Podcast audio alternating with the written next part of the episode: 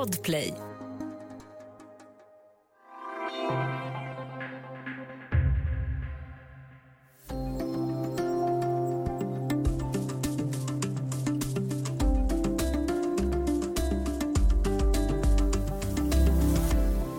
Den som är gravid ska försöka undvika att äta smärtstillande mediciner, också de som är receptfria. Och om man ändå måste göra det så ska man försöka välja rätt sort. Men enligt en ny rapport kan paracetamol, som är den aktiva substansen i till exempel Alvedon, ge en förhöjd risk för fosterskador. Men stämmer det verkligen? Välkommen till Studio DN. Jag heter Sanna Thorén Björling.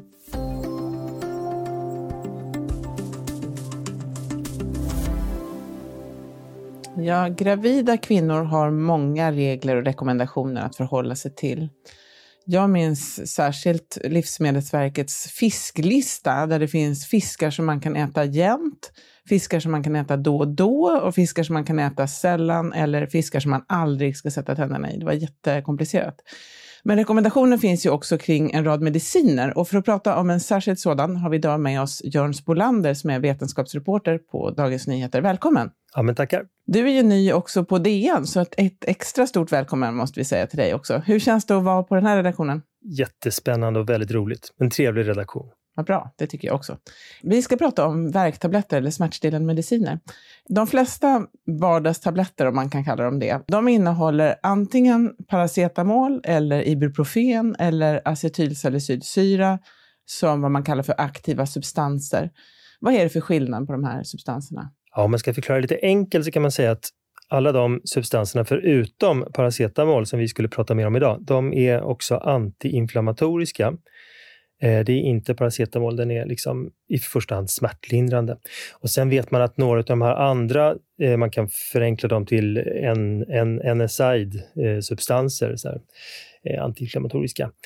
De, de kan, acetylsalicylsyra till exempel kan ju reta magens slemhinna och påverka blodets förmå, liksom, koagulationsförmåga om man får ett sår, att det blöder mycket längre. Eller så. Så det, de har lite fler sådana effekter. Och då har man ju tänkt just att paracetamol verkar väldigt lindrigt och bra, för den, har, ja, den är betraktas som snällare. Och de här andra substanserna kan vara bra att säga. Då. Där finns det en väldigt tydlig rekommendation när man är gravid, att man inte ska, ska ta dem utan samråd med läkare.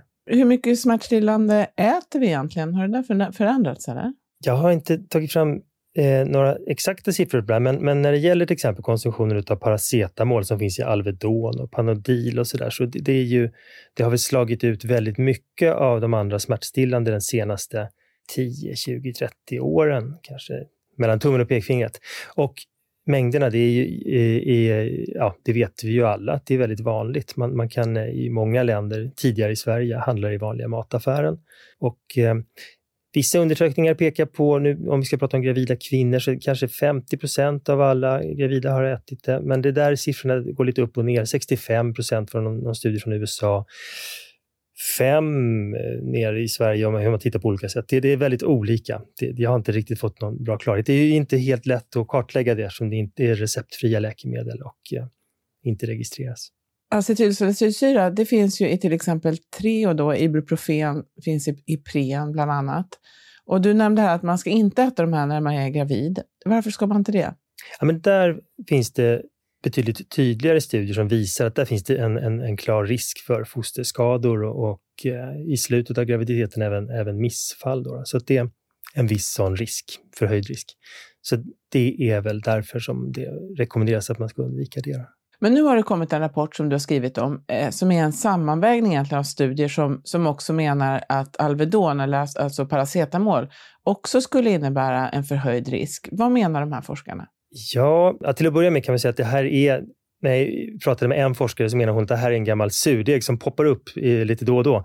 Eh, för att det är en lång diskussion liksom, med risker och så vad det gäller olika smärtstillande.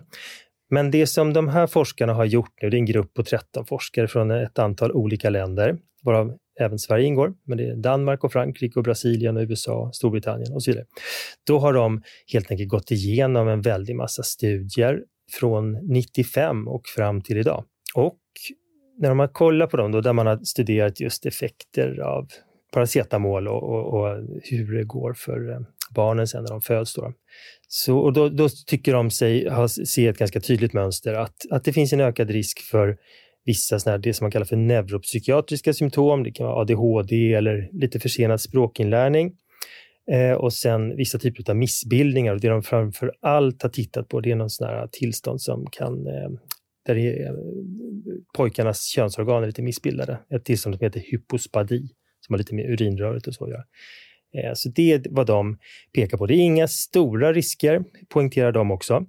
Men på gruppnivå, liksom väldigt många, så, ja, så spelar det roll. Och därför så tycker de att nu är det dags att ta ett omtag och undersöka det här noggrannare och kanske se över riktlinjerna och framförallt öka uppmärksamheten. Men den här studien har ju också fått en del kritik. Eh, vad går den här kritiken ut på? Ja, den har fått väldigt kraftig kritik från många håll, eh, eller från vissa håll. Och den kritiken går väl eh, i första hand ut på att de liksom drar lite förhastade slutsatser om orsak och verkan. För när man studerar sådana här saker, liksom epidemiologiska studier, hur det går för grupper av människor när de tar det ena läkemedlet eller andra eller något sånt där. Eh, och man inte kan ha en kontrollgrupp, som i det här fallet. I det här fallet kan man liksom inte lotta fullt friska. Om man misstänker att det är farligt så kan man inte lotta fullt friska kvinnor till att antingen ta paracetamol eller inte medan de är gravida och sen kolla hur det går med barnet. Det vore ju, det vore ju jättekonstigt att göra det. Så då har man liksom ingen kontrollgrupp. Och, och, och, utan det man får göra är att titta på de som själva har valt att ta paracetamol, Alvedon eller Panodil. Eh, hur går det sen? Och då kan man ju se vissa mönster. Men det beror kanske inte alls på själva substansen, utan det kanske beror på, man har ju tagit det av en anledning. Eh, så det kan finnas bakomliggande faktorer så. Sen så har man också sett i tidigare genomgångar att kvinnor som tar mycket verkmedel och sådär, de, de, de, kan ha en mängd andra kännetecken. Det kanske är en eh, väldigt mycket mer rökare, övervikt, många som själva har ADHD enligt Socialstyrelsens register, eh, det var någon registerstudie som har genomförts där. Och så.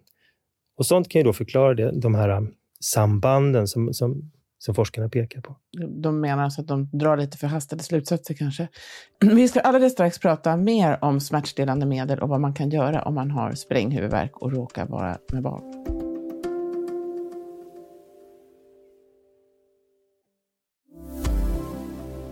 Studio DN idag med Jörn Spolander som är reporter på Dagens Nyheter. Vi pratar om smärtstillande medel och graviditeter.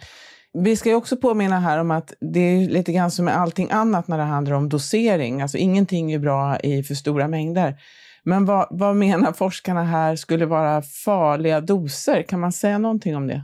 Det var en fråga som jag frågade flera gånger, ställde flera gånger. Och jag fick inget riktigt bra svar tycker jag, utan det handlade om, då, då, är, då pratar man kanske om eh, mer än två veckors användande under graviditeten. Och så. Men det som framkom var att det, liksom, det vissa grupper tar väldigt mycket eh, av de här smärtstillande tabletterna och andra tar liksom normal mycket. Och det är framförallt de här grupperna som tar väldigt mycket som drar upp, alltså som gör resultaten lite tydligare. Då, sa de här, den här forskargruppen också. Jo, det var en grej jag ville tillägga också. Vi pratade om problemet med att, att kolla på folk, eh, grupper av människor som gör ditten eller datten. Och den svagheten i en studie då, det, det, det är ju naturligtvis den här forskargruppen väl medvetna om att det, det går inte att liksom spika fast ett orsakssamband som man brukar säga. Liksom det, finns ju mängder av falska samband. Att det, det, flyger en mängd storkar över en by och sen föds det många barn. Då, då är det ju ett klassiskt exempel, att det är förmodligen inte storkarna som har kommit med barnen, utan det är väl människorna som har ägnat sig åt varann nio månader innan.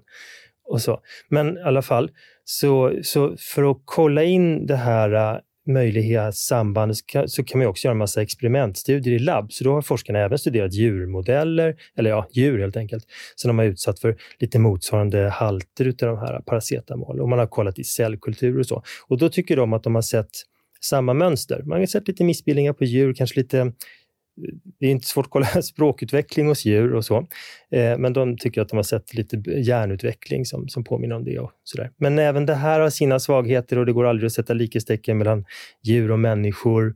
Och det intressanta är ju på stor nivå sen och se om, vad, vad kan man se hos folk. Liksom. Men du har pratat också med, med en professor i klinisk epidemiologi vid Lunds universitet, Karin Kjellén. Hon, är, eh, hon övervakar risken för fosterskador vid läkemedelsanvändning för Socialstyrelsens räkning i samarbete då med Läkemedelsverket. Och hon menar ju att det finns mycket mer eh, pålitlig information om gravida i Sverige, bland annat genom andra register som vi har. Vad är det här för register och är, varför är de så värdefulla? Jo, men hon, hon eh, talar då till exempel om, om Sveriges medicinska födelseregister som är eh, väldigt omfattande och där man har data ifrån till exempel kvinnor, vad de pratar om med sin barnmorska, de uppger läkemedelsanvändning och sånt. Så där kan man fånga upp, pekar hon då på i det här fallet, även ja, totalt användande av Alvedon och sådana saker. Liksom, man kan inte, man, eh, för det ger ju inte så mycket att titta på receptförskrivningar eftersom det mesta köper man ju receptfritt. Såklart. Så, så då menar hon att de fått en väldigt stor bild. Då, då, då eh, hade hon eh, mer än 110 000 kvinnor där som har använt eh, paracetamol, mer eller mindre, under graviditeten. Och då har hon liksom kollat utfallet sen och sett att det är ingen hon kan inte se någon som helst eh, ökad risk för missbildning till exempel när det gäller eh, användandet av paracetamol. Men det är intressant det här som du nämnde tidigare tycker jag, att det här är en fråga som har återkommit och som har funnits länge. Hur kommer det sig, tror jag, att, att det har varit så en sån långvarig diskussion? Ja, dels så, så fin, det finns ju mycket som gör att man kan misstänka. Det här är en, en, en väldigt verksam substans, då, paracetamol. Den, den är, det är en liten molekyl som, eh, som har förmågan att ta sig igenom till exempel blod-hjärnbarriären. Det, det är vårt skydd som ska hålla farliga ämnen och smittämnen och sånt borta från hjärnan genom att ja, övervaka blodtransporten fram och tillbaka till hjärnan. Och även, den kan även ta sig igenom eh, moderkakan och komma till fostret. Så, så det finns ju en misstanke där, en liten sån substans som också, man vet inte exakt hur den, hur den verkar, men den kan ju uppenbarligen dämpa smärta och sådär och den påverkar vårt centrala nervsystem och, och så. Så det, det, finns ju god grund, kan man tänka där då, att den här måste vi övervaka och, och kolla. Och sen när det just eh, konsumeras i så stor omfattning så det är väldigt viktigt att, att, att, kika på vad det är. Och att man har sett studier som pekar på åt det här hållet. Så det... Allting som handlar om graviditeter är ju också så väldigt laddat för att alla kvinnor, som, eller de flesta, är väldigt mottagliga för alla typer av varningar så blir väldigt nervösa för sina fosters skull. Den här frågan om missbildningar som du nämnde, det är en faktor, men det har ju, du var också inne på det här med ADHD. Kopplingen mellan ADHD och konsumtion av smärtstillande, hur ser den ut alltså? Ja, den är, den är ju väldigt oklar då om man tittar på, på hela forskningsläget. De här, den här forskargruppen de menar ju att det finns belägg för att säga att det finns en lite ökad risk. För de ser att, att ja, en koppling då helt enkelt mellan högt intag av paracetamol och sen så lite högre halt, eller fler som får ADHD av de barnen sen. Men där har till exempel också då Karin Kjellén eh, och kollegor gjort en, en eh, ganska smart studie tycker jag, där de kikade på, på kvinnor överhuvudtaget som använder smärtstillande läkemedel under graviditeten av olika slag. Och då har de även tittat på de här starkare sakerna, NSAID-preparaten som vi pratade om i början. Och då ser hon att i hela gruppen kvinnor som, som tar eh, smärtstillande, då ser man en, eh, att det är lite vanligare att deras barn kan få, få diagnosen ADHD senare i livet, när de har fötts. Och då tolkar hon det som att det här, då går det inte att koppla det till liksom en enstaka molekylen paracetamol, utan det måste vara någonting i hela den här gruppen. Och då kopplar hon det också till den här observationen man har gjort att bland kvinnor som äter mycket smärtstillande så ser man det också. Det är en ökad läkemedelsanvändning av andra saker. Och andra, det finns också en eh, lite högre antal som har, eller högre andel som, som har ADHD själva.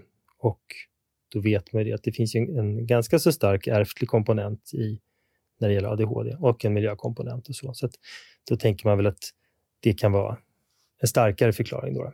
Avslutningsvis, då, vad, vad, vad, skulle du säga, hur ska en gravid kvinna göra om hon får huvudvärk eller feber? Ja, det, det, är inte riktigt jag som ska ge råd där, men jag tänker att det, jag tror det är väldigt klokt att bara följa de riktlinjer som finns just nu i Sverige och i stora delar av övriga världen. Att i första hand då eh, försöka använda så lite läkemedel som möjligt. Men har man ont i huvudet och så och behöver dämpa det eller en febertopp, så, så är det paracetamol som gäller, just det här som vi har pratat om, som den här forskargruppen varnar för. För det är i alla studier hittills så är det ändå det absolut bästa bland de alternativ som finns. Och man ska absolut undvika då, så långt det är möjligt de här NSAID-preparaten, Ipren, Voltaren, Ibuprofen och så. Då måste man verkligen kontakta sin läkare.